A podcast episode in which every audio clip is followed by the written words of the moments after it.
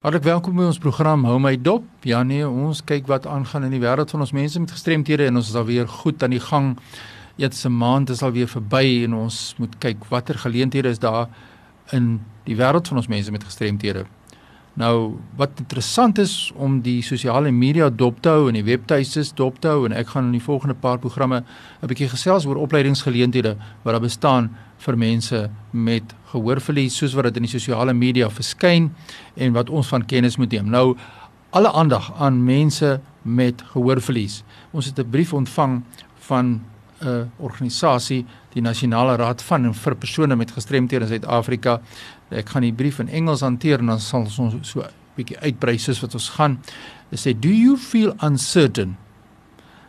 Uh on how to bring your loss or your hearing loss in this specific case to the attention of your employer, your family or your friends.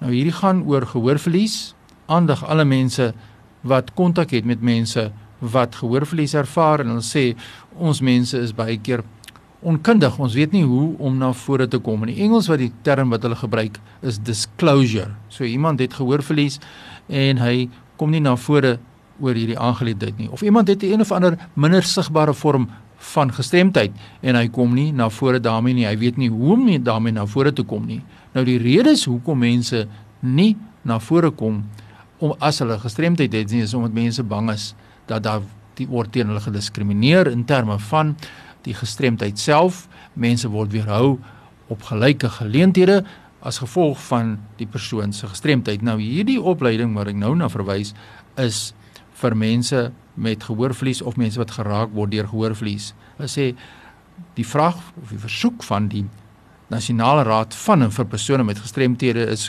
kontak jou audioloog vir 'n funksionele verslag oor die impak van jou gehoorverlies en hoe dit jou raak en hoe dit jou omgewing raak. Nou dis baie belangrik dit's natuurlik net so van toepassing op alle ander forme van gestremdheid. So as jy neurologiese verlies het of 'n fisiese gestremdheid het of 'n ander sensoriese gestremdheid, jy moet jou professionele persoon, die health professionals soos dit hier staan in hierdie skrywe, die gesondheidskundige met wie jy werk of dit nou 'n arbeidsterapeut is en of dit nou 'n spraakterapeut is en of dit nou 'n audioloog is of 'n neuroloog is, moet jy kontak en vra vir 'n funksionele verslag. So dis die eerste punt.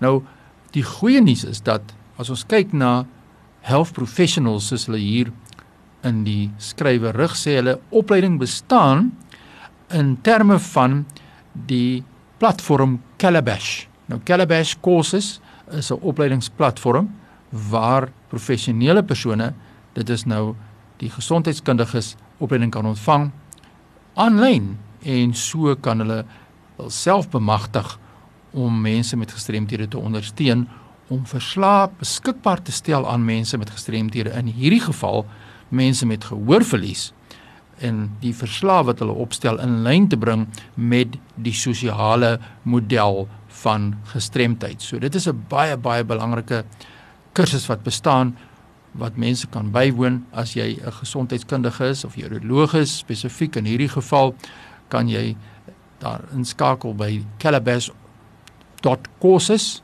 en dan kan jy hierdie opleiding doen. Maar hoekom is hierdie opleiding so belangrik vir persone wat te doen het met gehoorverlies of mense wat geraak word deur gehoorverlies soos in die ouloloë nou in hierdie geval.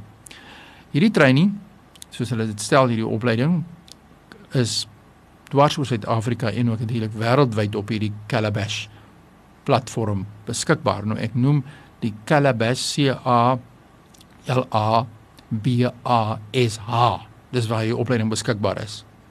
En hoekom die nasionale raad hierdie ding promoveer is omdat hulle baie navraag kry van persone met gehoorverlies in hierdie geval en hulle vra vir 'n funksionele verslag soos ek sê en hulle wil graag vorder in die werkplek. Nou ons moet 'n bietjie kyk. Hoekom is dit so belangrik? Want dialoog en mediasie in die werkplek is onmoontlik as daar 'n kliniese verslag beskikbaar gestel word deur 'n gesondheidskundige. So die verslae wat ons soms ontvang en ek sien dit ook daagliks van gesondheidskundiges is klinies van aard, dit het tegniese beskrywings wat nie regtig verstaan word deur die werkgewer nie. Dit word nie ook nie deur die persoon met 'n gestremdheid verstaan nie en daarom is hierdie opleiding beskikbaar om dan te seker te maak dat daardie verslae soos ek genoem het dan in lyn kan kom met die sosiale model om die hantering van gestremdheid. Want tipies verslae bestaan uit eh, soos ek sê 'n kliniese beskrywing en net eintlik ander mediese persone kan daardie inligting verstaan. En wat jou werkgewer soek is, hy soek Fanny het byvoorbeeld gehoorverlies.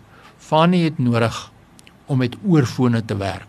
Fanny het nodig om wanneer hy met kursus gaan, het Fanny nodig om voor te sit in die klas.